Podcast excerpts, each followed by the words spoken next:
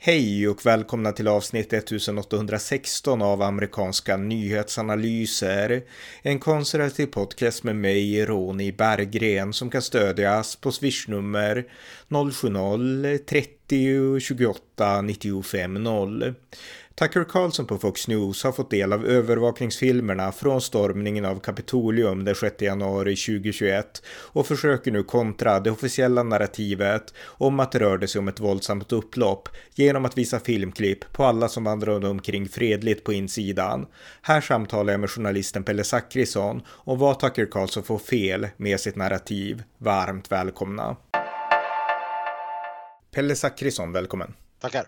Vi ska prata lite grann om Tucker Carlson på Fox News, för det är så här att han släppte, jag tror att det var den 8 mars eller om det var den 7 mars, då släppte han ett klipp på Fox News med bilder från övervakningskamerorna i samband med ockupationen av Kapitolium den 6 januari 2021. Och det här var bilder som han hade fått av den nya speakern, republikanen Kevin McCarthy. Det här var en del av den här dealen som Kevin McCarthy gjorde med Matt Gates och alla de andra för att bli framsläppt som speaker. Att man skulle offentliggöra Eh, de här om det 40 000, film, film, 40 000 timmars filmmaterial från den 6 januari. Och eh, Tucker Carlson, han tog del av det och han har gått igenom en hel massa saker. Och eh, han, eh, ja, han gjorde då ett filmklipp där han be beskrev att eh, det officiella narrativet av den 6 januari som ett våldsamt upplopp, det stämmer inte för titta här har vi massa fredliga bilder eh, av alla som gick omkring där inne. Ungefär så kanske man kan sammanfatta hans, eh, hans inslag. Ja, precis. Och han, han säger ju också att eh, i inslaget att eh, bilden vi har fått är, ja, att eh, bilden vi har fått är felaktig och liksom den bild han, det han säger då, det är att eh, han, han, målar ju upp en falsk dikotomi där eh, och det, det, han säger att eh, ja men Biden och gänget de har, påst, de har påstått att det här var ett död, dödligt eh, ett dödligt insurrection, alltså vad heter det? En, eh, ja, upplopp, ja, typ. upplopp eller försök att eh, ta, ta över makten. Mm. Men Eh, men det var det inte utan det var, eh, det var fredligt, titta här. Eh, och, han, han, sa till och med att de var sightseers, sa han. mm. Ja, och om man nu ska dekonstruera det här, då tycker jag att man ska börja med att Eh, titta på själva påståendet om att det här dödliga eh, alltså att det var ett dödligt insurrection. Det är inte alla kritiker som påstår att det här var en, en, en dödligt eh, försök till maktövertagande. Utan att det som, det som är fakta, det är ju att det var trespassing, det var ett in, olaga intrång och att eh, flera av dem som tog sig in var våldsamma. Och eh, sen försöker då Tucker Carlson, eh, han eh, försöker att, Eh, ja, han målar upp en falsk dikotomi helt enkelt. Mm. Jo, men det man kan säga det är ju helt enkelt att vi har ju dels en sanning och det var att det var ett upplopp. Det var en stormning av Kapitolium och det var en hel massa våld som föregick. Poliserna varit utsatta och vakterna varit utsatta och eh, blev förstörda och eh, det hände ganska mycket där inne som eh, är direkt liksom ansvaret för det ligger på de som gjorde upploppet och som invaderade Kapitolium. Och det här är väl utrett av 6 januari-kommittén och liknande och eh, Tucker Carlson kommer egentligen inte med något nytt därför att det här materialet att, eh, att det fanns folk som var fredliga där inne, även den här shamanen som man tar upp, alltså det är inte nytt utan det framkom även i alla utredningar och alla som följde med i den här dagen. Jag har själv skrivit en artikel om det här på Substack som heter eh, Tucker Carlson missleder om stormningen av Kapitolium. Så att jag menar, han kommer inte med så mycket nytt, Tucker Carlson. Nej, det gör han ju inte. Det, det, han, det jag tycker Tucker Carlson gör bort sig i, det är att han hade faktiskt, han hade kunnat presentera det här materialet och sagt att, eh, att vänstern har politiserat det hela. Mm. Att eh, det här de här hårda orden om att det var ett dödligt eh, försök till statskupp och så vidare. Statskupp, insurrection, det var ju mm. det ordet jag letade efter. Ja, alltså han hade kunnat ifrågasätta det. Han hade kunnat eh, säga att den bilden behöver balanseras. Att nyanseras, balanseras, kalla det vad du vill. Men nu, det han gör istället, det är att säga att eh, antyda, mer än antyda, det är att ja men det är en lögn. Ni har blivit eh, liksom för, eh, gödda en lögn om januari, 6 januari. Och och det är så jävla antiintellektuellt så jag vet inte vad jag ska säga. Nej, precis. Men det är viktigt att fastslå det nu, för att jag gör ju den här podden för att ja. jag har sett att det här klippet sprids i sociala medier, inte bara i USA utan även här i Sverige, där man då tror att titta, det gick så här till, gick till så här egentligen, det var en fredlig grej och media har ljugit. Och då är faktumet att media ljög inte, utan den grundläggande bilden här, att det var ett upplopp, ett försök till statskupp eller vilket ord man nu vill använda, i alla fall en ockupation av Kapitolium. Det stämmer, det var så liksom. Jag hängde med i detalj, jag intervjuade personer på plats och så. Och eh, det var ett försök, det var ett upplopp och kanske ett försök till statskupp. Men, eh, men däremot så Eh, eh ja, alltså, det, det, liksom, men däremot så politiserades det såklart också av Demokraterna och av media, det är ett faktum.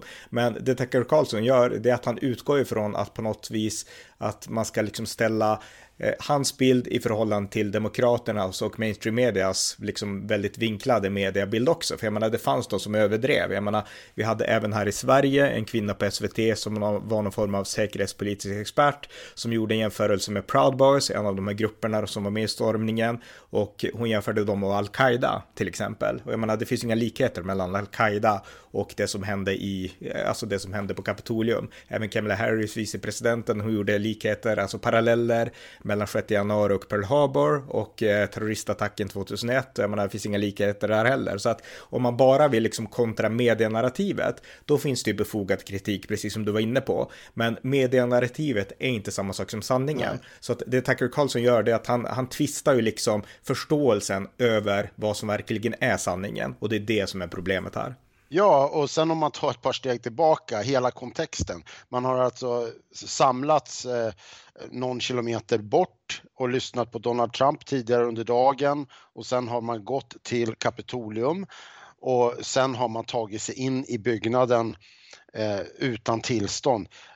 Alltså frågan är hur korkad får man vara om man tror att man har, liksom, om man är där bara för att, eh, ja, eh, jag vet inte, bara titta på byggnaden. Det, det, någonstans så finns det ju ett personligt ansvar att fatta att ja, men nu är jag kanske del av någonting som kan vara en statskupp. Mm. Jag, jag, tycker Tucker Carlson, det, ja, men det, det är just det här antiintellektuella som är otroligt provocerande. Mm.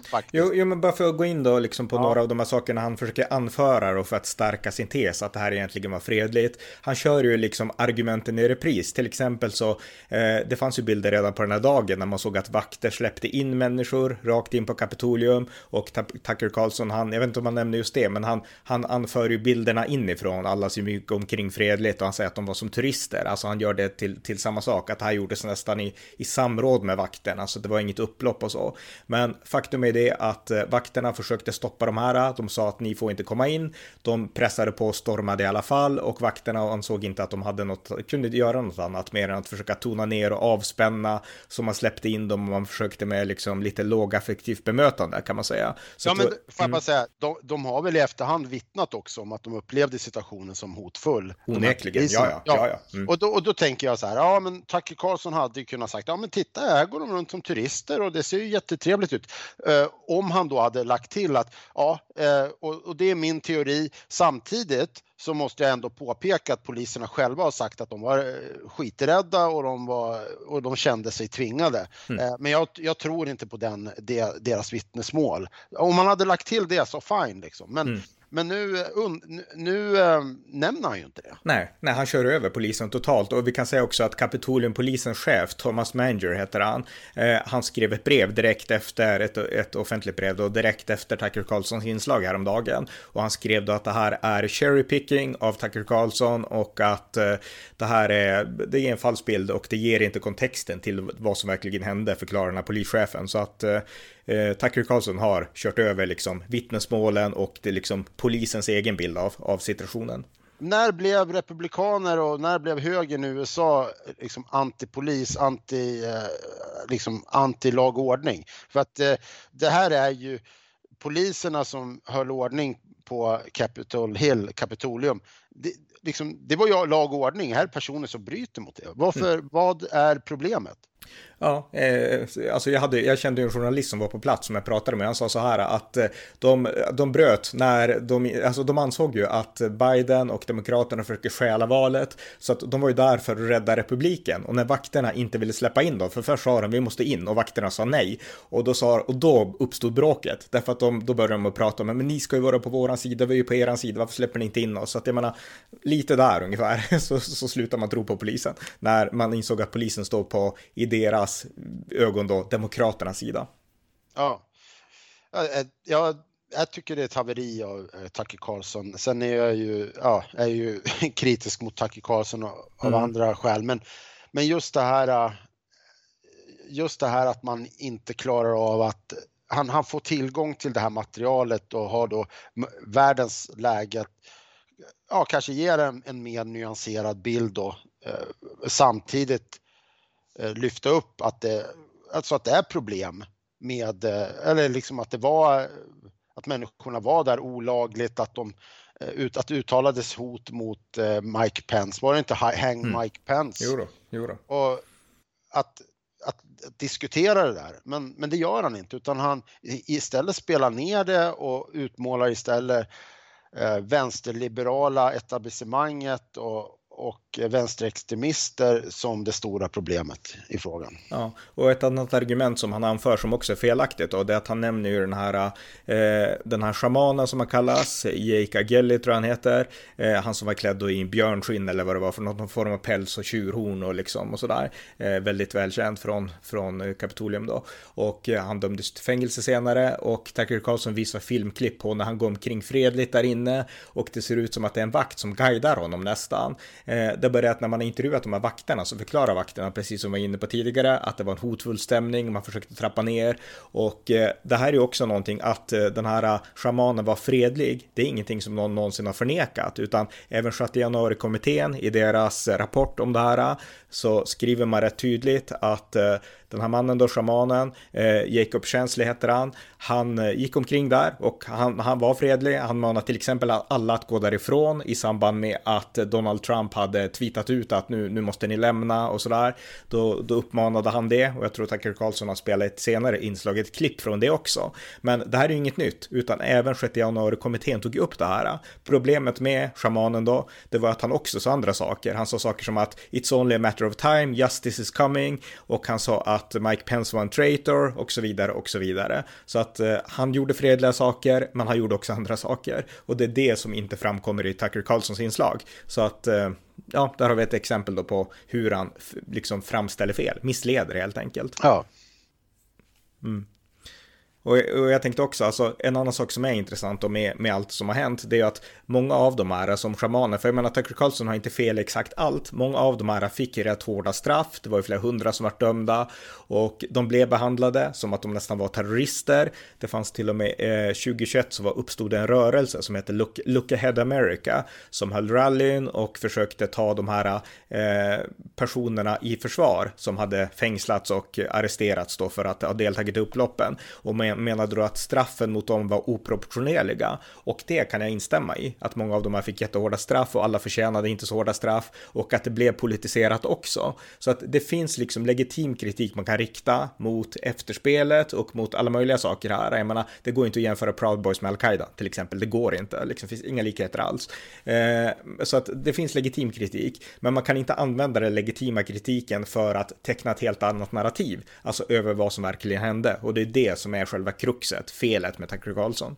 Ja, men jag tycker nog att eh, det här eh, att eh, jag tycker att det blir lite fel att säga att det är för hårda straff för då, då hamnar man i en situation där man försvarar människor som har brutit mot lagen. Däremot tycker jag att man kan säga att det finns en det fram, framstår som att det finns en dubbelstandard. Alla de här Eh, som alla de här eh, terroristerna eller ja, man kallar extremisterna som deltog i Black Lives Matter eh, kravallerna, alla de som deltog i eh, alla de här kravallerna i Portland i, och, och, förstörde städer. Eh, de har ju, väldigt många där har sluppit undan med, med, med väldigt klena straff och ehm, de, de förtjänar ju, alltså de har ju brutit, de har ju gjort, begått minst lika hårda brott, eller ja, de har ju förtjänar ju minst lika hårda straff som de som tog sig in i, i eh, Kapitolium och de som tog sig in i Kapitolium då i vissa fall kanske bara har gått in i, i, i Kapitolium. Mm. Och, och det tycker jag, det är väl det som jag tycker man kan diskutera. Varför slipper då liksom, Vänster. brott, ja, brottslingar från vänstern undan? Och varför går man inte efter dem lika hårt? Mm. Det, det är den här, det här hycklandet, den här dubbelstandarden som som jag tycker är, eh, ja, ja. Det, det, är ju det som verkligen ska kritiseras. Jag håller helt med. Jag menar visst, man kan tycka vad man vill om straffen mot de här som invaderar Kapitolium, att de var för hårda, att de var lämpliga eller för mjuka. Men, men liksom absolut en dubbelstandard. För vänstern, Antifa, vi har även de här upploppen mot, det var ju faktiskt ett försök av Antifa att ockupera Vita huset när Donald Trump var president i maj 2020. Och man stormade portarna och det var ju Secret Service som fick gå ut där och försöka stoppa dem liksom så att de inte skulle trycka ner de här järngrindarna runt Vita Vita huset. Det, här, det finns jättemånga klippor här och de fick nästan inga straff alls. Så att det är verkligen en dubbelstandard och det borde ju påpekas. Så att det finns kritik att rikta åt olika håll där, dels mot media som egentligen bara tecknar just det här narrativet som eh, Tucker Carlson kritiserar, alltså att det här var bara terrorister och det var galningar och man försöker bara tilta det på sitt sätt. Samtidigt som det också måste kritiseras just det här att, att det sprids just Tucker Carlsons bild som egentligen bara är liksom att flippa på myntet och liksom eh, göra samma sak fast från ett spegelvänt perspektiv och det blir också fel. Mm, absolut. Mm. Det, ja. ja. Finns det något mer att säga om det här? Har du något ja, mer? Mm. Ja, och jag har gjort en intressant spaning här och nu har jag ju suttit och sågat Tucker Carlson som jag tycker är riktigt usel för det mesta. Um, ibland har han vissa ljuspunkter då, men, men jag tycker han är rätt usel uh, och uh, ja, en lakej åt uh, åt, åt Putin och så vidare. Men jag tycker att det framkommer en dubbelstandard när Vita huset eh, de kommenterar då Tucker Carlson de får en fråga på en pressträff. Och eh, då säger de att eh, ja, men Tucker Carlson, han är not credible. Och då tänker jag så men vänta nu, är det inte någon annan, är det inte någon annan president då som har sagt att media inte är trovärdigt? Eh, jo, Trump kallade ju media för fake news och eh, då blev det ett jävla liv. Och det, det var, det gjorde New York Times gjorde jämförelser med eh, med Nazityskland. Det var Jake Acosta på CNN var väldigt upprörd. Jim Acosta. Ja, förlåt. Mm. Jim, Jim Acosta gjorde jämförelser med både ena och andra. Men när Tucker Carlson då gör liksom ett eh, liksom dåligt inslag, ja men då är han då, kan han, då är han fake news. Mm. Ja, nej men det visar väl, ja. Och då menar jag, min poäng här, det är att antingen så är det okej okay för politiker att kritisera medier, eller så är det inte det. Och det gäller både Biden och Trump, man kan inte, man kan inte välja. Och det här, det här har liksom helt fått passerat eh, utan, under radarn.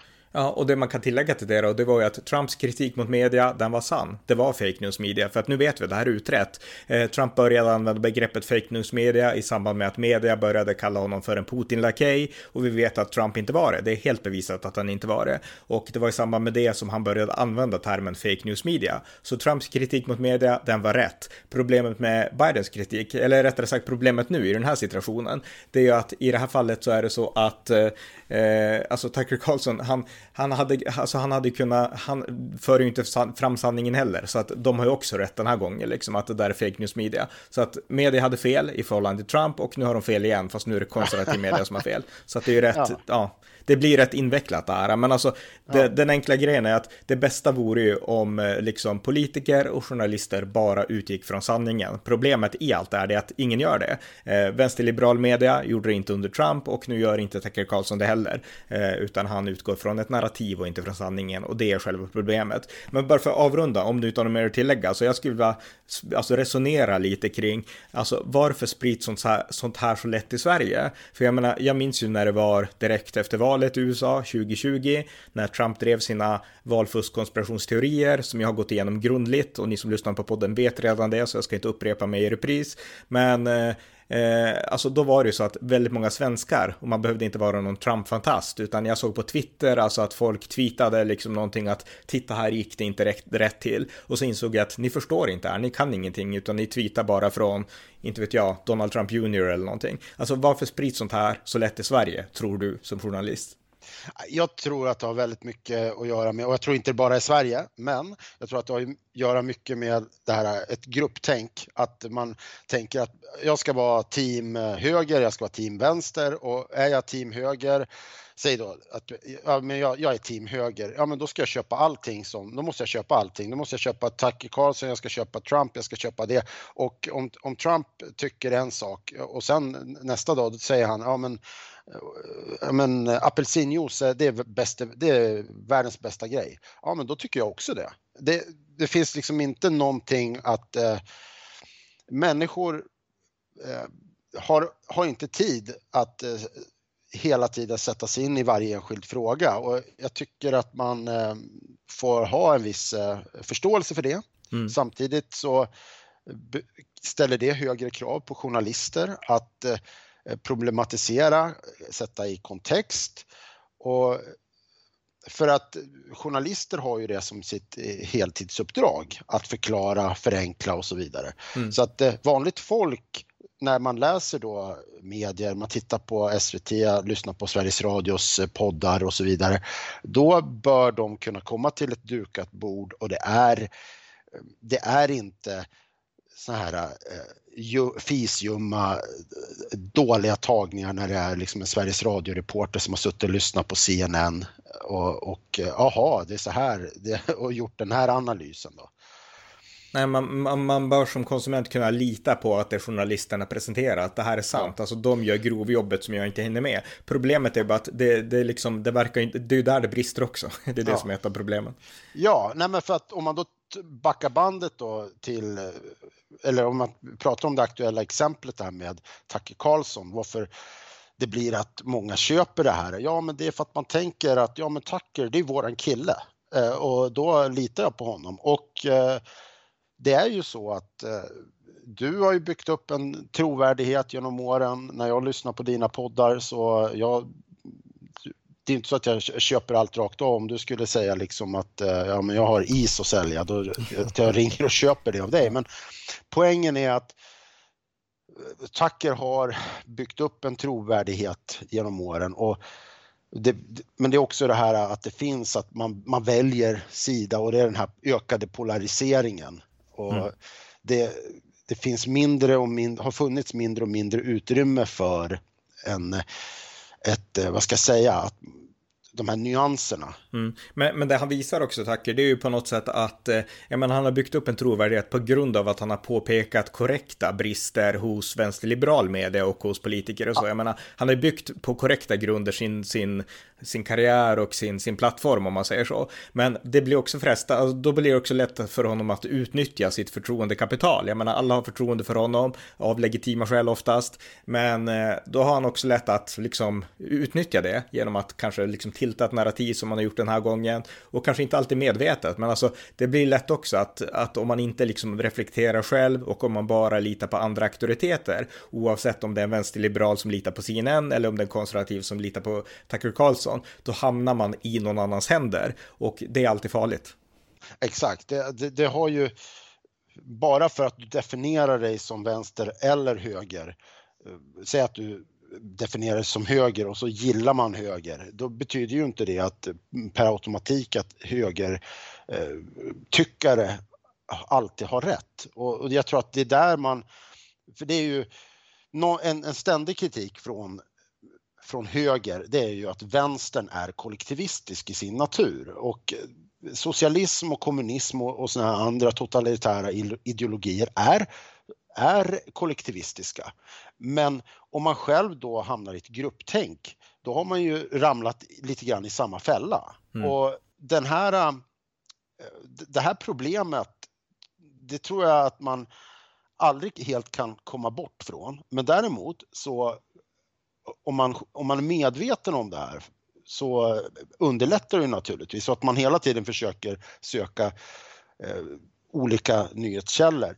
Eh, en sak till om det här är att eh, det finns ju ändå tecken i USA som tyder på att eh, polariseringen kanske eh, minskar. Alltså det senaste midterms, där var det ju de mer extrema politiska kandidaterna som torskade och mm. det ser ju ut som att det kanske är så att i USA att man är, är less på den här polariseringen. Ja. Men det kan ju vara ett önsketänkande. Nej, men jag tror, jag tror att det stämmer, men däremot så tror jag också att alltså, den här polariseringen som Tucker Carlson spinner vidare på nu, allt det här ligger ju helt liksom Eh, alltså, Donald Trump kommer kunna använda det här till fullo för att legitimera sig själv och liksom legitimera sin comeback. Så att jag menar, Trump kommer att ha nytta av det här eh, utan tvekan och alla som vill knyta upp sig till Trump-rörelsen kommer också ha nytta av det här. Frågan är om det räcker hela vägen, men oavsett om det gör det eller inte så är problemet, och det är det som är huvudproblemet, det är ju att den bygger inte på sanningen, den här bilden, och det är det som är själva huvudproblemet här. Vi behöver journalister som presenterar sanningen och vi behöver medborgarjournalister eller de som själva vill undersöka som faktiskt hittar sanningen och inte bara hittar narrativ. Och det är väl det som vi kan efterlysa eh, i samband med det här senaste inslaget. Avslutningsvis, ja. avslutningsvis så vill jag också bara rekommendera er som lyssnar att läsa min artikel på Substack, eh, eh, roniberggren.substack.com, Tucker Carlson missleder om stormningen av Kapitolium heter den artikeln. Har du något mer att tillägga Pelle? ja, en mm. sista grej, det är att jag tycker verkligen att man ska eh, lyssna och, och titta på inslagen som Tucker Carlson gör om det här och med det som utgång sen eh, gräva vidare själv och eh, lyssna från flera olika nyhetskällor, bland annat då Ronis text är ju ett, men man kan även eh, kolla in Ben Shapiro, man kan lyssna på flera andra och eh, se från höger till vänster och sen bilda sig sin egen uppfattning och det är väl det egentligen som är mitt eh, eh om jag skulle ge en, ett enda råd, det är att bilda sig sin egen uppfattning och inte vara, eh, liksom vara en blind följare av någon. Mm. Och sen kan också sägas då, för att avsluta, alltså, eh, det som alla har glömt, eller som ingen har brytt sig om, det är ju faktiskt den här 6 januari-kommittén som har släppt en rapport på 800 sidor. Och eh, den här kommittén har ju fått kritik av Tucker Carlson och av republikaner för att den är vänster. Men o, o, liksom orsaken till att den blev väldigt vänsterlutad, det var ju för att Donald Trump sa nej till en fullskalig kommission. Alltså liksom ungefär som 9-11-kommissionen med lika många republikaner och demokrater. Donald Trump satte stopp för det och då vart de här partisan amerikanska utredningarna i kongressen som alltid hålls. Men det här är ändå en, en utredning som, även om vissa detaljer tydligt är politiska i den här utredningen, som jag följde live när den sändes, förhören sändes och sådär under hela sommaren 2022 var det väl, så, så är ändå slutsatserna och den övergripande bilden helt korrekt. Och de här har gått igenom allt, jag nämnde ju den här shamanen tidigare, det Tucker Carlson presenterar är inget nytt, inte för kommittén och inte för någon annan. Så att jag menar, den här rapporten är mycket mer djupgranskande av det som händer den 6 januari än Tucker Carlsons inslag är. Så att det kan man också ha med sig. Så vill man få en övergripande korrekt bild, då ska man läsa eh, 6 januari-kommitténs final report. Så att eh, vi kan väl avsluta med det. Så att, eh, ja, tack Pelle. Tack. Tack för att ni har lyssnat på amerikanska nyhetsanalyser. En podcast som kan stödjas på swishnummer 070-30 28 95 0 eller via hemsidan på Paypal, Patreon eller bankkonto. Skänk också gärna en gåva till valfri Ukraina-hjälp. Allt gott tills nästa gång.